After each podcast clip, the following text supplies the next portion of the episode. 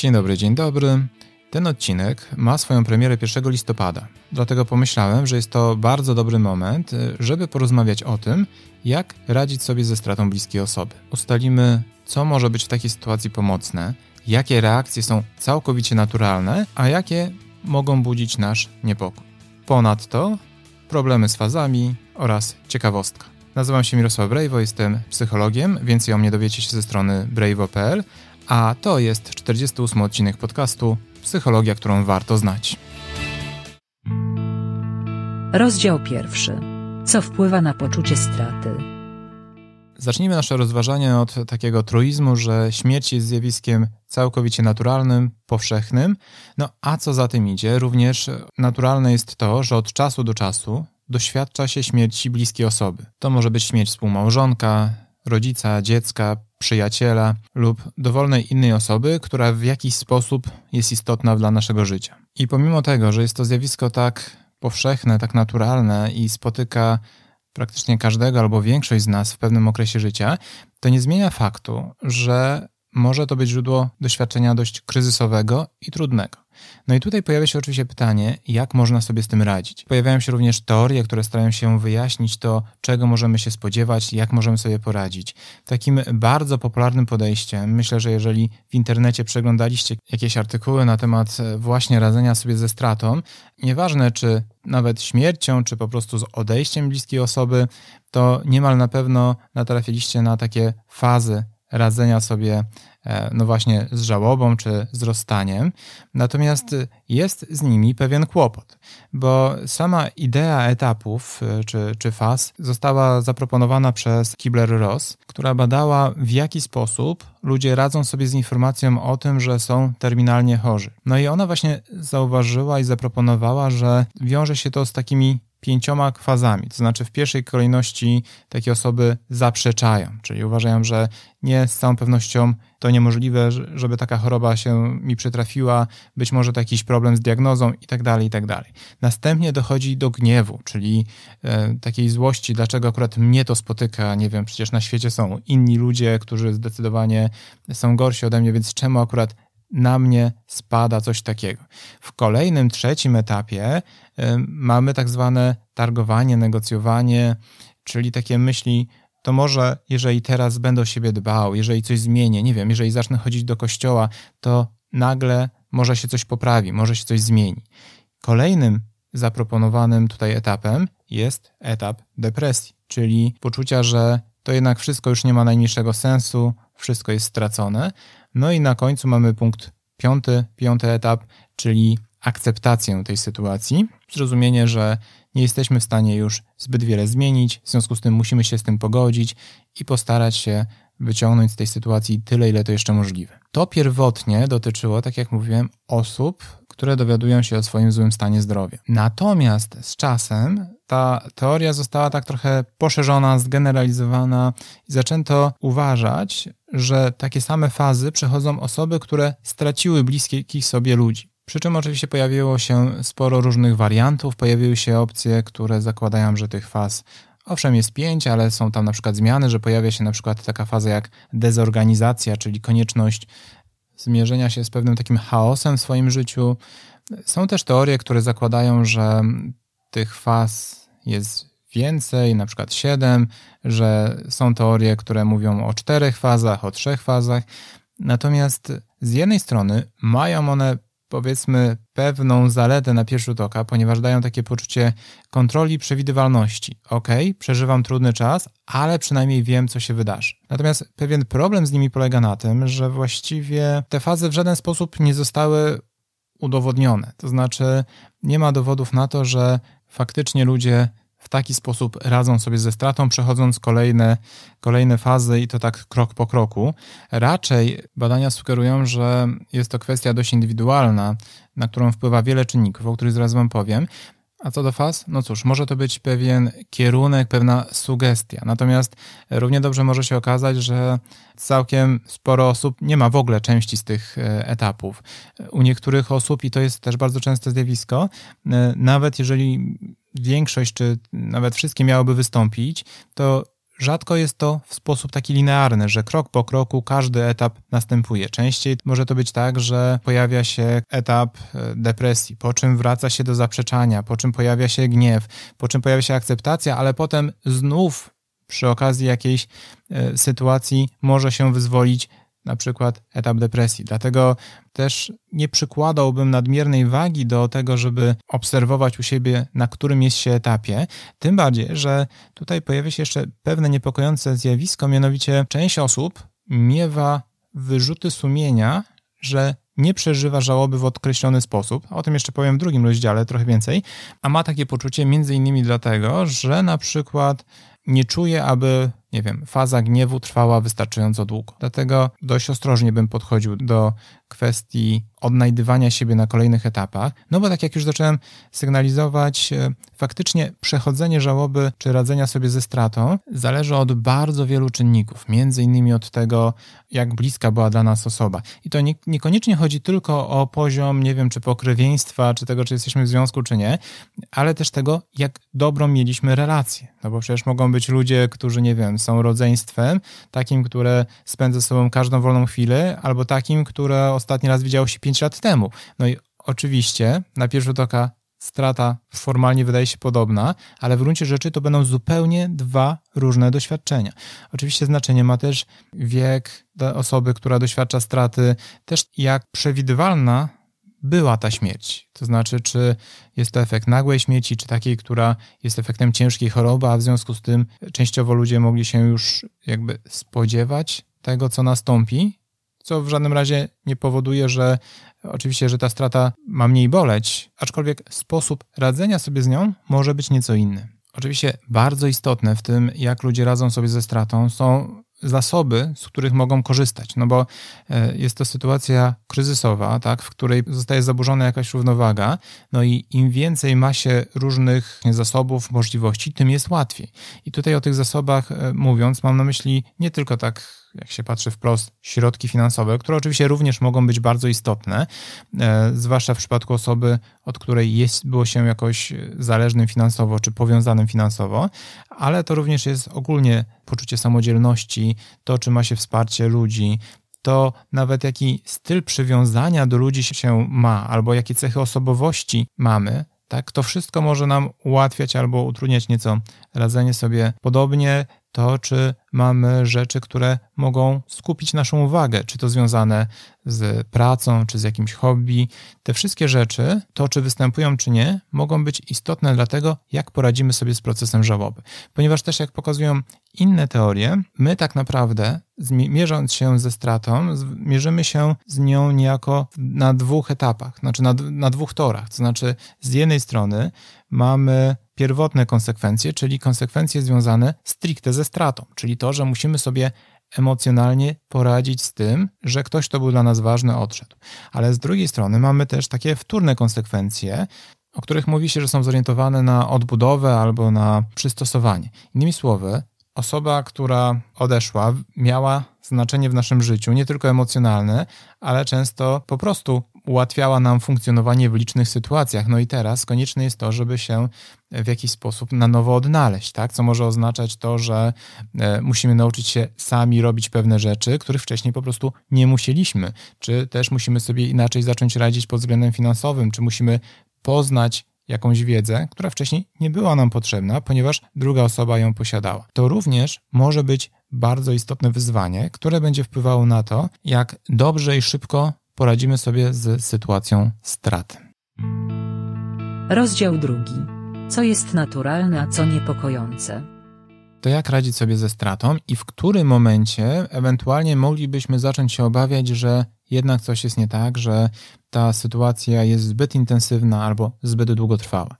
Tak jak wspominałem w pierwszej kolejności, pamiętajmy o tym, że przeżywanie tej straty jest dla każdego indywidualne. Dlatego warto dać sobie przestrzeń do tego, żeby po prostu zobaczyć to, co czujemy, to, to jakie myśli nam się pojawiają i niekoniecznie stawiać sobie wysoko poprzeczkę, że nie wiem, nie możemy sobie pozwolić na płacz czy na jakieś negatywne, silne emocje. To jest całkowicie naturalny element przechodzenia straty i warto dać sobie ku temu przestrzeń.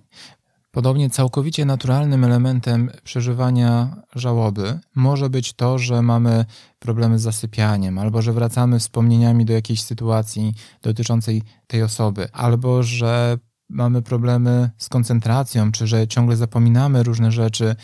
To wszystko nie musi być niczym niepokojącym i warto po prostu mieć dla siebie w tym momencie dość dużo wyrozumiałości i przestrzeni do tego, że jeżeli takie sytuacje się wydarzają, to po prostu może tak być. Oczywiście warto tutaj o siebie w jakiś sposób zadbać i o ile to możliwe, ja mam świadomość tego, że nie zawsze jest to łatwe, ale też jeżeli zauważamy, że takie sytuacje, że takie emocje, czy takie właśnie elementy poznawcze charakterystyczne dla procesu żałoby są u nas bardzo nasilone, no to dobrze byłoby może zadbać o to, żeby w jakiś sposób dać sobie więcej przestrzeni do regeneracji, do może odpoczynku i takiego poukładania swojego życia, e, powiedzmy na nowo. Tak jak wspomnieliśmy w pierwszym rozdziale, naturalnym całkowicie jest również to, że mogą się pojawiać przejawy poprawy nastroju, że wydaje się, że już jest dobrze, a później na przykład przy okazji chociażby jakichś rocznic czy ważnych wydarzeń, które wspólnie przeżywaliście, może się okazać, że sporo tych negatywnych emocji czy jakichś myśli, wspomnień do Was wróci. I to również jest całkowicie naturalny element radzenia sobie ze stratą. Dlatego warto jest, żebyście starali się obserwować to, jak się czujecie i sprawdźcie też, co jest dla Was pomocne, czy na przykład e, spędzanie czasu z innymi ludźmi, czy uzyskiwanie wsparcia jest dla Was dobre, czy może macie w danym momencie poczucie, że raczej wolelibyście być sami i trochę się odizolować. To też może być w porządku, jeżeli jednak nie będzie trwało zbyt długo ale o tym porozmawiamy w momencie, kiedy będziemy mówić o tym, kiedy już należy się zacząć obawiać, że ten proces żałoby trwa nieco zbyt długo. Tak, oczywiście, jeżeli macie taką potrzebę, żeby powspominać daną osobę, nie wiem, pooglądać jakieś zdjęcia, czy, czy pomyśleć o jakichś miejscach, w których wspólnie byliście, to oczywiście możecie sobie na to pozwolić, nie ma w tym nic złego. Z drugiej zaś strony, jeżeli wydaje się, że dla Was lepszym byłoby to, żeby zrobić dokładnie odwrotnie, to znaczy jakby omijać szerokim łukiem miejsca, które kojarzą Wam się z daną osobą, przynajmniej przez jakiś czas, okej, okay. Jeżeli tak będziecie czuli się lepiej nie sparaliżuje to oczywiście też waszego życia w jakiś sposób, to okej. Okay. Róbcie to, co czujecie, że pozwala wam poczuć się lepiej, wyrazić w jakiś sposób swoje emocje, pamiętając też o tym, że docelowo, o ile ten element smutku gdzieś może was zostać, to jednak intensywność tych przeżyć z czasem powinna się zmniejszać. E, to znaczy również ta potrzeba wspomnień powinna być być może nieco mniejsza, e, potrzeba omijania różnych miejsc albo wracania do różnych miejsc również powinna w pewnym momencie się zmniejszać, chociaż całkowicie w porządku może być to, że na przykład stworzycie sobie jakąś nową tradycję, że nie wiem, każdą rocznicę idziecie do jakiejś restauracji, w której zawsze jadaliście obiady czy cokolwiek. To, to oczywiście może być dobry pomysł na upamiętnienie takiej osoby, ale tylko jeżeli uważacie, że jest to dla Was dobre i powoduje, że czujecie się lepiej. A co z uciekaniem w pracę czy w jakieś hobby, zainteresowania? To, że przeżywacie okres żałoby, nie musi oznaczać tego, że praca nie może was pochłonąć. Natomiast y, warto jest obserwować, czy jest to na takim poziomie jak zwykle, czy na innym. Ponieważ jeżeli normalnie lubicie swoją pracę, poświęcacie jej dość dużo czasu i teraz po, po tej utracie nadal tak jest, ale jednocześnie dajecie sobie przestrzeń, jeżeli macie taką potrzebę do przeżywania emocji, to w porządku. Natomiast jeżeli wcześniej spędzaliście w pracy bardzo mało czasu, nie angażowaliście się w nią, a teraz robicie coś, co nie jest dla Was standardem, czyli na przykład poświęcacie jej 18 godzin na dobę, to może być trochę niepokojące, bo to może sugerować, że faktycznie e, staracie się raczej uciekać od emocji, od myśli, które jednak cały czas z wami są. No i pytanie, jak długo jesteście w ten sposób w stanie uciekać. Przy czym dla jasności też mówimy tutaj o właśnie o normie chociażby pracowania typowej dla was i też w danym okresie, no bo może być tak oczywiście, niektórzy tak mają, że w mają w pracy jakieś bardziej intensywne okresy, na przykład nie wiem, jest jakiś taki miesiąc, kiedy tej pracy jest bardzo, bardzo dużo, a przez pozostałe 11 jest mniej. No i oczywiście jeżeli akurat doszłoby do straty przed tym miesiącem, no to może się okazać, że taka osoba faktycznie wcześniej pracowała, nie wiem, 6 godzin dziennie, teraz nagle zaczyna pracować po 18, no 18 może przesada, po 12 godzin na dobę, ale to, to jest w porządku, tak, bo to jest pewna norma, to znaczy może przed, tuż przed stratą tyle nie pracowała, ale zwykle o tej porze roku tak właśnie ten czas intensywnie wygląda. Więc nie jest to jakiś powód do tego, żeby się tym nadmiernie przejmować. Chciałbym tutaj zwrócić Waszą uwagę też na rzecz, o której często się, mam wrażenie, nie mówi, ponieważ bardzo często poświęca się mnóstwo uwagi w przypadku przechodzenia żałoby właśnie temu, jak duże cierpienie emocjonalne się przeżywa. Ale ja chciałbym zwrócić Waszą uwagę na drugi aspekt, to znaczy to, że dana osoba była dla Was ważna, że zależało Wam na niej, że przeżywacie stratę, to w żaden sposób nie zabiera Wam prawa do tego, żeby dawać sobie przestrzeń na radość. To, że ktoś bliski Wam y, zmarł, nie wiem, trzy dni temu, tydzień temu, pół roku temu, to nie powoduje, że nie możecie się cieszyć, że nie wiem, nie możecie obejrzeć komedii, która was rozbawi. Jeżeli macie taką potrzebę, czujecie się tak, że macie na to ochotę, to pozwólcie sobie. I to jest ważne nawet w kontekście tych faz, o których wam rozmawiałem e, w pierwszym rozdziale, że one tak średnio działają. Właśnie to, że sporo osób ma takie poczucie, że ok, jestem na takim etapie, albo jestem po trzech miesiącach żałoby, w związku z tym mam poczucie winy, jeżeli poczuję się lepiej. W żadnym razie nie dawajcie sobie powodu do tego, żeby mieć poczucie winy, dlatego że czujecie się czy źle, czy dobrze. Bo, bo taka bardzo silna rozpacz nie jest wcale czymś, co jest nieuniknione i czymś, co każda osoba musi przechodzić. Nie, ktoś może być tak, że stracicie kogoś, kto jest dla was bardzo ważny, ale jednak nie będziecie odczuwać gigantycznego cierpienia, które sparaliżuje wasze życie i to nie jest w żadnym razie jakaś patologia czy przejaw waszej nieczułości. Po prostu to jest indywidualna reakcja każdej osoby. Inne rzeczy, które nie powinny was martwić, do których powinniście dać sobie prawo, to również to, że no z jednej strony niekoniecznie musicie odnajdować za wszelką cenę sens śmierci jakiejś osoby. Czasem ona nie ma po prostu sensu, ale też może być taka sytuacja, w której śmierć bliskiej wam osoby da wam poczucie ulgi, bo na przykład wiecie, że cierpiała, że wymagała ogromnej opieki i to również jest całkowicie porządku, naturalne uczucie, emocja i to nie zmniejsza tego, że uczucie ulgi z powodu śmierci danej osoby powoduje, że wam na niej nie zależało i jakby umniejsza inne wasze emocje. Sytuacja straty może się wiązać z koktajlem bardzo różnych emocji i pomimo smutku, żalu, również może się pojawić tutaj poczucie ulgi i to w żadnym razie nie powinno powodować, że będziecie mieli wyrzuty sumienia z tego powodu. Jeżeli będzie to zbyt intensywne i pewnie zbyt długotrwałe, może to być trochę niepokojące. Natomiast e, jeżeli macie taką potrzebę i od czasu do czasu rozmawiacie sobie z osobą, która umarła, albo zastanawiacie się, co ona by zrobiła, albo że fajnie byłoby gdzieś razem pojechać, to też nie powinno być w żaden sposób e, dla was szkodliwe czy niepokojące, tak? Albo to samo to, że zostawiacie sobie jakieś pamiątki, od czasu do czasu je przeglądacie. Jeżeli wpływa to na was dobrze, pomaga wam to, to jak najbardziej pozwalajcie sobie na tego typu działania. Ok, od kilku minut przekonuję Was do tego, że bez względu na to, jakie emocje odczuwacie, powinniście dawać sobie przestrzeń dla siebie do tego, żeby wrócić do jakiejś normy, żeby spokojnie poczuć się lepiej. No, ale w związku z tym, czy jest jakaś granica, kiedy powinniśmy zacząć się niepokoić, że jednak coś jest nie tak, że, że to nie jest już normalna żałoba, tylko coś, czym należałoby się zająć, być może z kimś konsultować.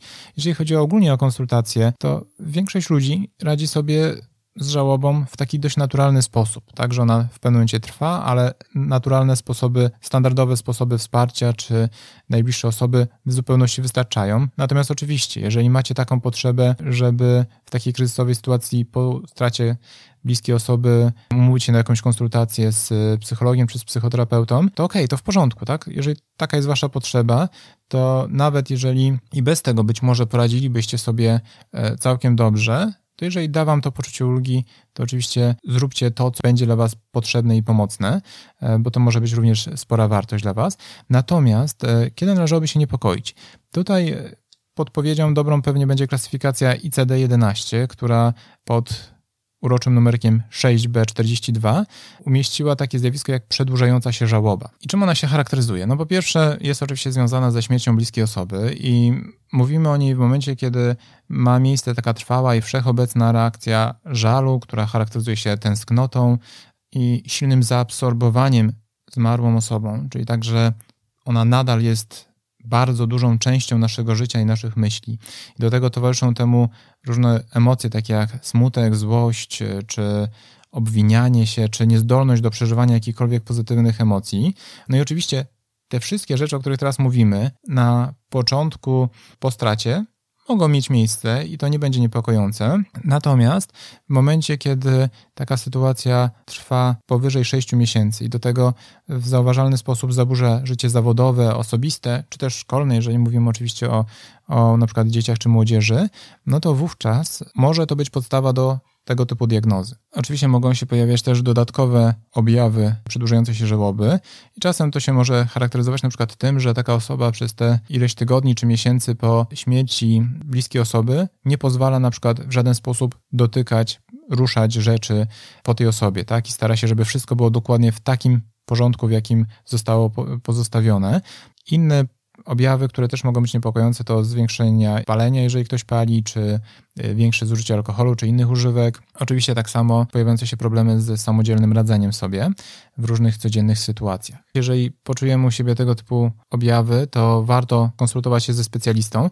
Podobnie, jeżeli pojawią się nam na przykład y, jakieś intensywne myśli samobójcze, to nawet jeżeli to nie będzie po pół roku, ale na samym początku, to również warto może to skonsultować.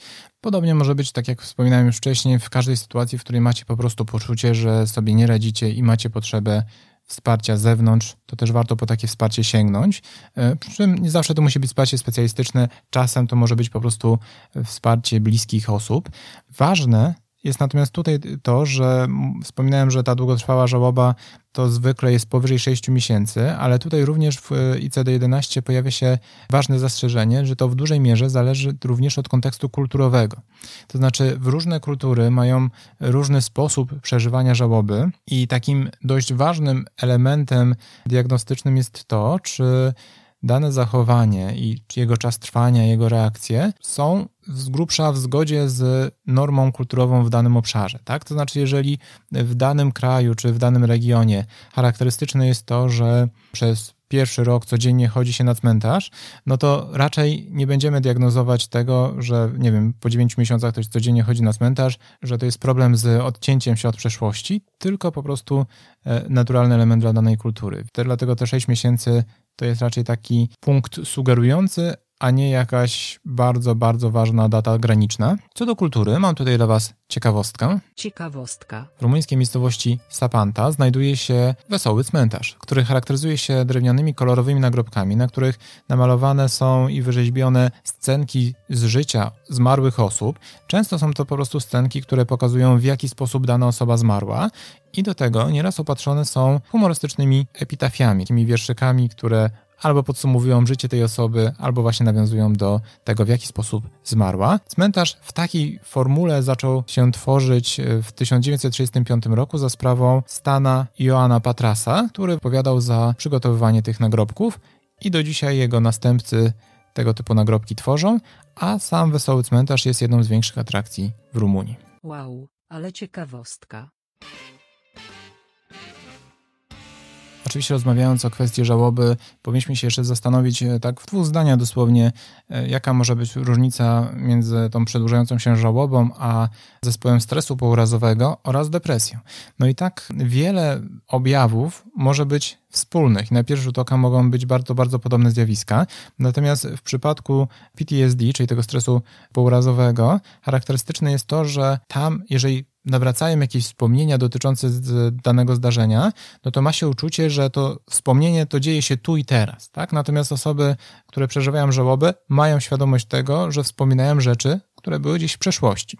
Podobnie jeżeli chodzi o depresję, tutaj w ogóle nastąpiła pewna zmiana, no bo wcześniej w niektórych klasyfikacjach, znaczy mam tutaj na myśli DSM-4, zakładano, że żałoba niejako wyklucza depresję. Natomiast teraz w żadnym razie tak się do tego nie podchodzi. Zwykle różnicuje się to w ten sposób, że w przypadku żałoby wszystkie te negatywne myśli i emocje są jakby skoncentrowane na tym zjawisku straty i do, tego, do niego się odnoszą. Natomiast w przypadku depresji te negatywne myśli i emocje mogą dotyczyć również innych obszarów życia, czy wręcz wszystkich innych obszarów życia. Też ważne jest to, że jeżeli spełnione są kryteria zarówno przedłużającej się żałoby, jak i depresji, to oczywiście możliwe jest to, żeby jednocześnie zdiagnozować oba zaburzenia. Podsumowanie. Radzenie sobie ze stratą jest zjawiskiem bardzo zindywidualizowanym, zależnym nie tylko od tego, jak bliska jest osoba, którą straciliśmy dla nas, ale też jak jej strata wpływa na inne aspekty naszego życia oraz po prostu zależnym od tego,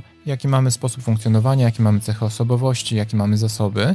I dlatego ważne jest to, żeby z jednej strony dawać sobie przestrzeń do odczuwania tych emocji, które będziemy czuli, tych myśli. To zarówno z jednej strony mogą być smutek, żal, gniew, to mogą być, e, zwłaszcza początkowo, e, problemy z pamięcią, czy rozkojarzenie, czy problemy ze snem, ale również warto dawać sobie przestrzeń do tego, żeby odczuwać pozytywne emocje i nie bać się tego, nie mieć poczucia, że jeżeli chcemy się śmiać kilka dni po śmierci bliskiej osoby, że jest tym coś złego. To jest całkowicie naturalne i warto dawać sobie do tego przestrzeń. Natomiast jeżeli ten proces żałoby trwałby bardzo długo i po kilku miesiącach mielibyśmy poczucie, że cały czas żyjemy tamtym dniem i cały czas wpływa on negatywnie na nasze funkcjonowanie, uniemożliwia nam życie codzienne, no to wówczas warto byłoby pomyśleć o specjalistycznym wsparciu. Mam nadzieję, że ten odcinek był dla Was użyteczny, że może pozwolił Wam spojrzeć na sytuację radzenia sobie ze stratą bliskiej osoby z trochę innej perspektywy. A tymczasem już za dwa tygodnie, czyli 15 listopada, porozmawiamy o kreatywności. Do usłyszenia.